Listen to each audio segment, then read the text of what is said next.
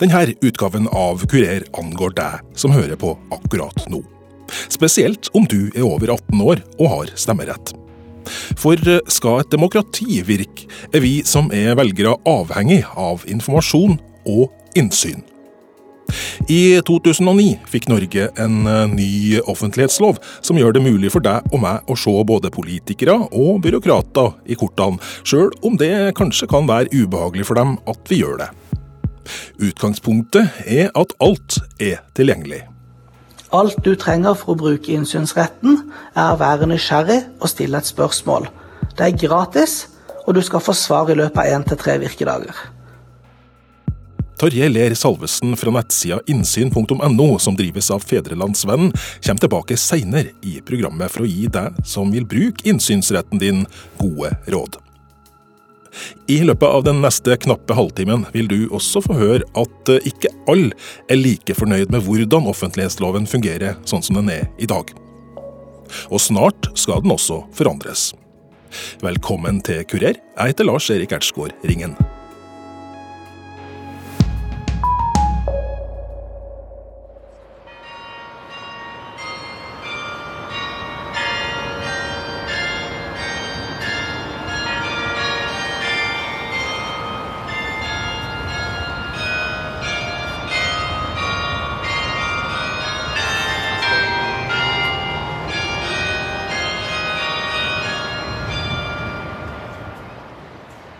Vi starter på et luftig stillas 80 meter over bakken, helt i toppen av spiret på Nidarosdomen. Det er 2015, og spiret helt øverst i tårnet skal pusses opp. Restaureringsarbeider og smed Torgeir Henriksen har oppdaga at noen har skutt på den store, forgylte kula på spiret. Jo, Kula virker som den er bra. Den, du har de skuddhullene som er på, som, som, da må bøtes. Og den ene kula har jo gått gjennom òg.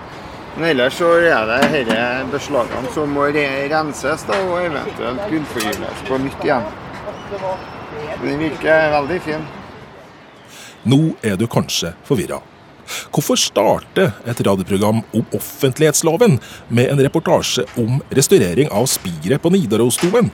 Og den gode grunnen er at vi nå, to år etter at arbeidene er ferdig, skal finne ut hvor mye restaureringa kosta. Og vi skal gjøre det ved å bruke retten til innsyn som offentlighetsloven gir oss. Klarte de å holde budsjettet på oppussinga, eller gikk de på en kostnadssprekk? Svaret får du i løpet av programmet. Men før vi kommer så langt, har vi tid til å spørre juridisk rådgiver Kristine Foss i Norsk Presseforbund hvorfor offentlighetsloven er så viktig for oss. Den er viktig fordi at um, det er den som gir oss muligheten til å uh, få tak i informasjon som ikke forvaltningen selv nødvendigvis ønsker å gi ut. Uh, og den er viktig fordi den, en, den, representerer en rettighet for alle mennesker, ikke bare journalister og ikke bare parter i saken. Men uh, den gir alle en rett til informasjon, som er um, viktig for å kunne se hva som ligger bak et vedtak kunne se omfanget av bruken av tvang, f.eks., eller utredninger i forkant av bygging av en ny bru, eller hva som helst. Så, så den er litt sånn en, en mulighet til å, gå, til å ettergå forvaltningen, rett og slett. Ytringsfriheten har ingen verdi hvis ikke vi kan fylle den med informasjon i bånn. Eh, det har ikke noe verdi å kunne si meningen sin om utbygging av ny skole hvis ikke du kan sette deg skikkelig inn i saken ved å se hva som har vært utredet, hvem som har ment hva, hvem som har fått oppdraget, eh, hva som har vært vurdert. Så, så det er jo eh, en helt sånn grunnleggende forutsetning for at demokratiet fungerer, egentlig. Sjøl om loven kanskje kan virke komplisert, så er den ganske enkel i utgangspunktet. Den bygger på et veldig enkelt prinsipp. Den bygger på at alt i utgangspunktet er åpent, og så må forvaltningen begrunne det hvis de skal holde noe tilbake. Men så er det den store prøvesteinen, da, når det er de vanskelige og kontroversielle sakene, der hvor forvaltningen får kritikk, der man kan stille spørsmål ved om de har gitt enkeltpersoner god nok oppfølging i barnevernet, eh, vanskelige saker, asylsaker, eh, ting som, som kan føre til at eh, forvaltningen ikke alltid kommer så godt ut. Da er det ofte vanskelig å få ut informasjon. Det er ofte dem som jobber med saken, gjerne en saksbehandler, som sjøl må avgjøre om saken er offentlig eller ikke. Kristine Foss forteller at det bidrar til å begrense åpenheten i Norge. I tillegg til det kan det være straffbart å offentliggjøre ting som ikke skulle ha vært offentliggjort. Men om du bryter offentlighetsloven, får du ingen straff.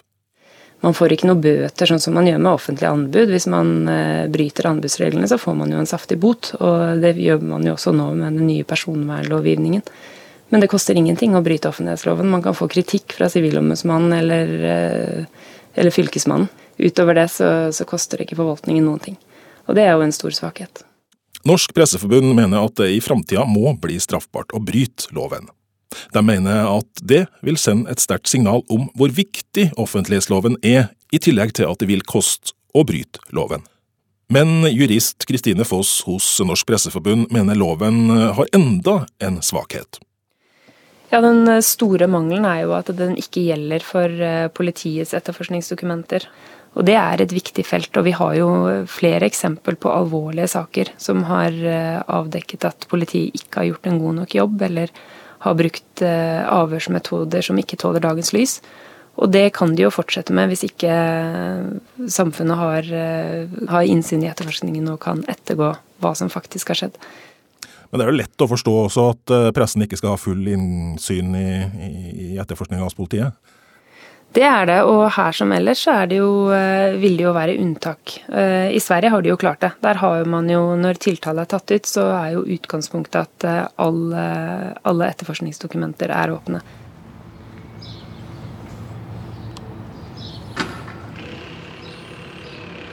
Du husker sikkert at vi i starten av programmet satte oss som mål å finne ut hvor mye restaureringa av spiret på Nidarosdomen i 2015 kosta.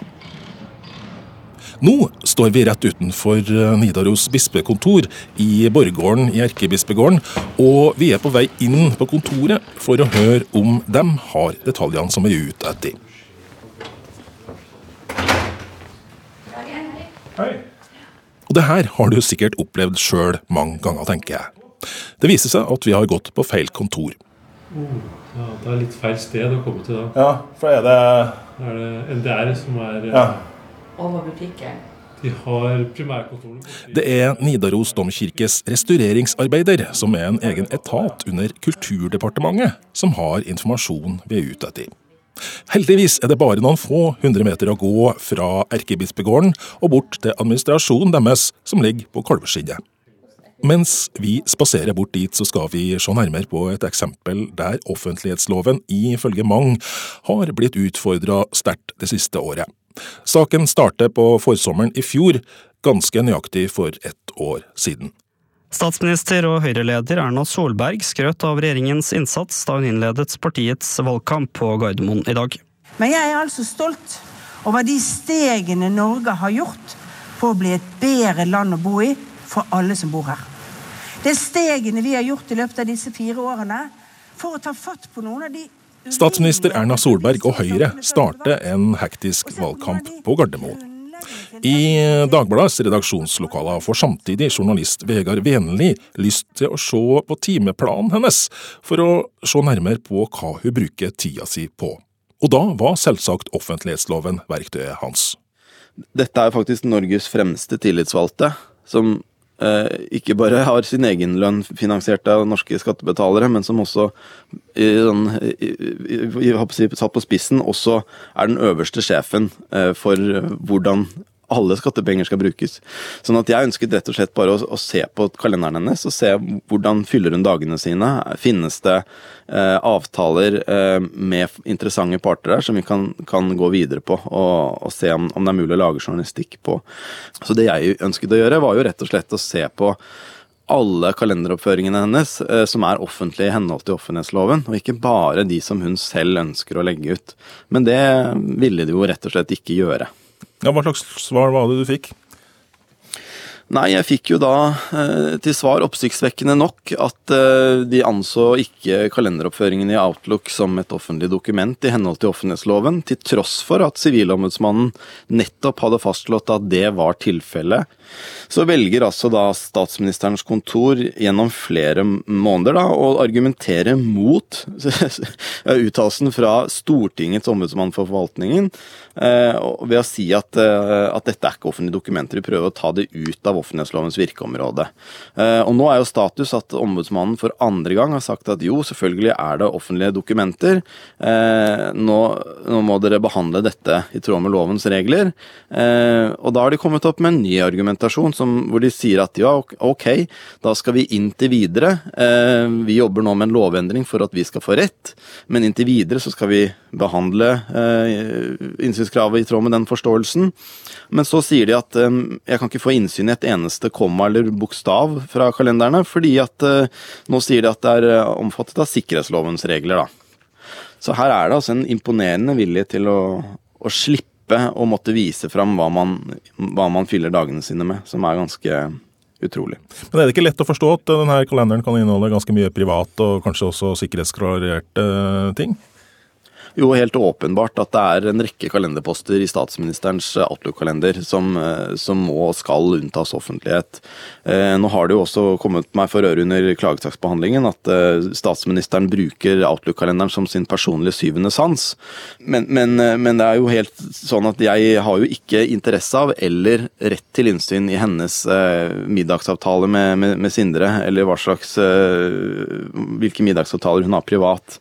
Så, så, det er ikke det denne saken handler om. Det handler om hvilke handlinger hun gjør som statsminister, de offisielle tjenestehandlingene hennes, hvilke møter hun har eh, med interesse, interesseorganisasjoner eller skal være seg eh, andre som, som, ønsker å møte statsministeren. så så er ikke det et, et privat anliggende, det er et offentlig anliggende som, som, eh, angår oss alle.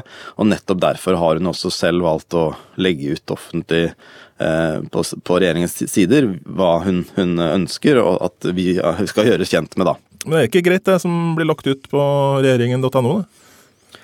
Det er jo en fin service eh, at hun velger å legge ut kalenderpostene som hun selv har lyst til på regjeringen.no. Eh, utfordringen er jo imidlertid at vi vet ikke hvilke kalenderposter som mangler. Hvilke møter med mektige lobbyistorganisasjoner som mangler på regjeringen.no. Det er hele poenget med offentlighetsloven. At det skal ikke være opp til den til enhver tid sittende makthaver å, bestemme etter eget skjønn og dagsform hva slags eh, opplysninger man skal dele med offentligheten. Det skal faktisk være eh, som følge av, av norsk lov.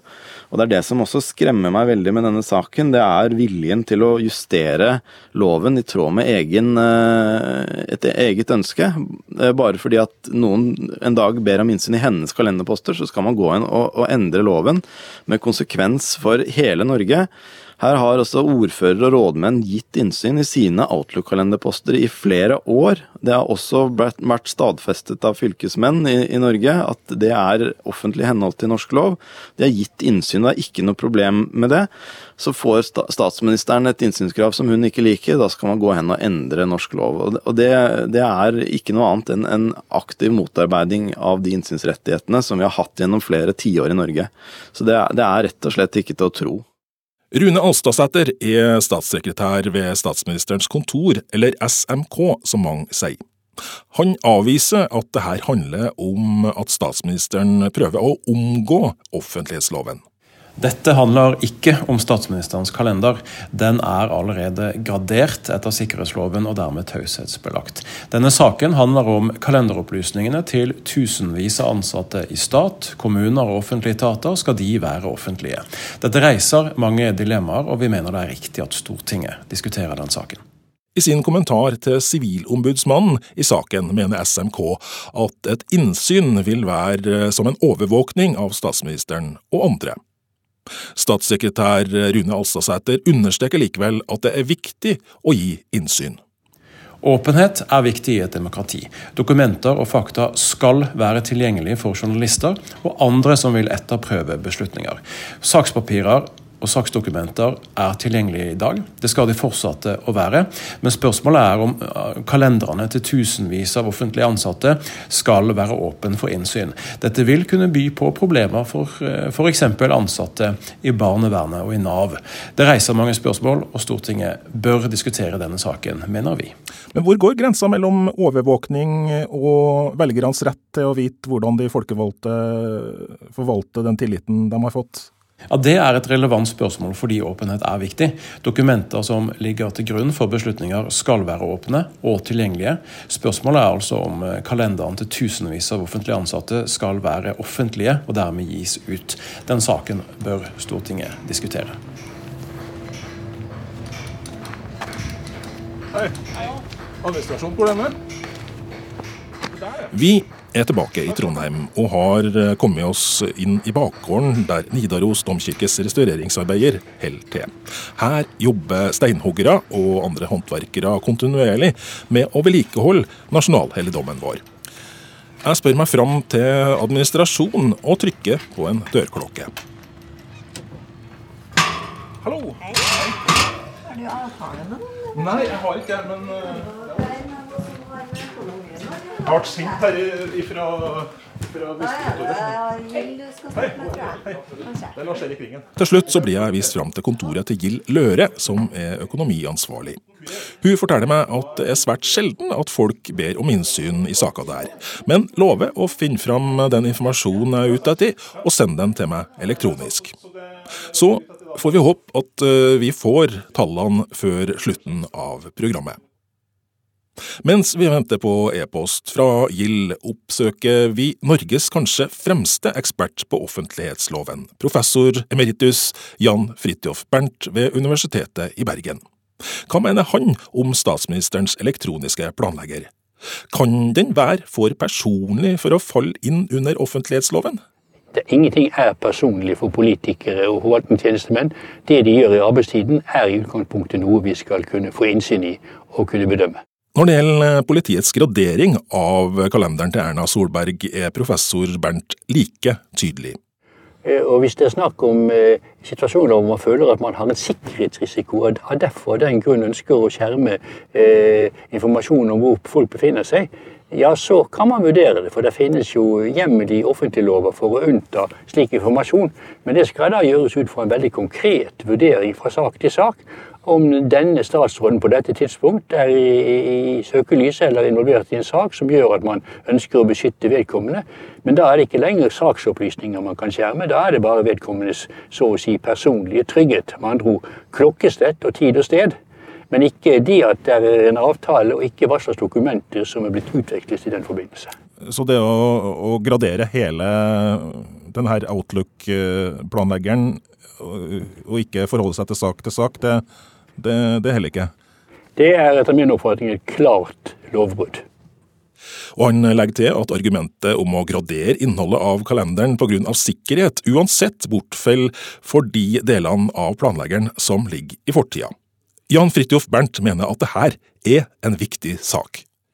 Det er en veldig viktig rensegang, og det, jo, det, jo, det avspeiler jo dessverre at uh, åpenhetsprinsippet i offentlig forvaltning er jo under press. Offentlig innsyn og demokrati er ikke noen gratis lunsj.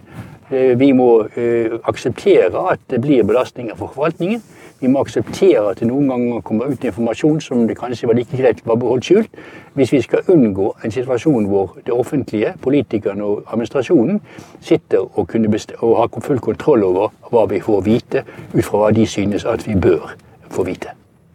Det at statsministerens kontor har valgt å bruke faren for overvåkning som argument overfor Sivilombudsmannen, får også professor Bernt til å reagere. Jeg syns begrepet overvåking av folkevalgte er eh, dårlig valgt. Jeg mener det at selvfølgelig skal folkevalgte overvåkes. Så enkelt er det.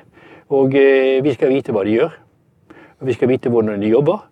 Og så, eh, så altså Når politikerne begynner å øh, klage over at de blir overvåket, så blir jo neste spørsmål ja, ja, men da kan vi jo etter hvert slutte å velge dem også, da. Hvis ikke vi får vite hva de gjør. I fjor signaliserte daværende justisminister Per-Willy Amundsen at en ny versjon av offentlighetsloven kanskje skulle være klar nå til sommeren i 2018. Etter det har departementet skifta statsråd to ganger, og nå opplyser kommunikasjonsrådgiver Andreas Bjørklund ved Justisdepartementet at arbeidet er forsinka. Han legger til at diskusjonen i Stortinget kan bli delt opp i to når revideringa av loven endelig kommer opp der. Professor Jan Fridtjof Bernt peker på flere svakheter man bør se på i det arbeidet.